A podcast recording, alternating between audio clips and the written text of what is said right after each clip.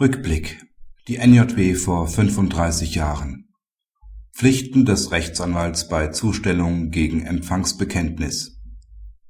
In Arbeitsgerichtsprozessen gilt, Rechtsanwälte müssen schon bei Unterzeichnung des Empfangsbekenntnisses über die von Amts wegen erfolgte Zustellung des vorinstanzlichen Urteils alles Erforderliche veranlassen, damit die Rechtsmittelfrist eingehalten werden kann Vergleiche dazu den im Leitsatz in der NJW von vor 35 Jahren abgedruckten Beschluss des BAG NJW 1975, Seite 232.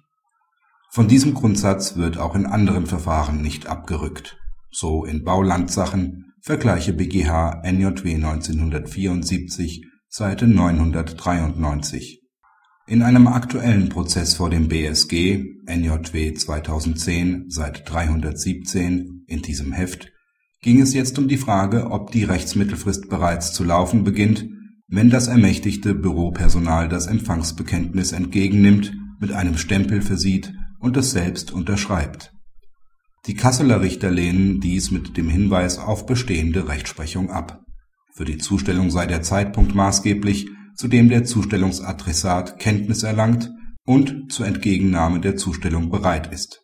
Vergleiche dazu zuletzt BGH NJW 2007, Seite 600.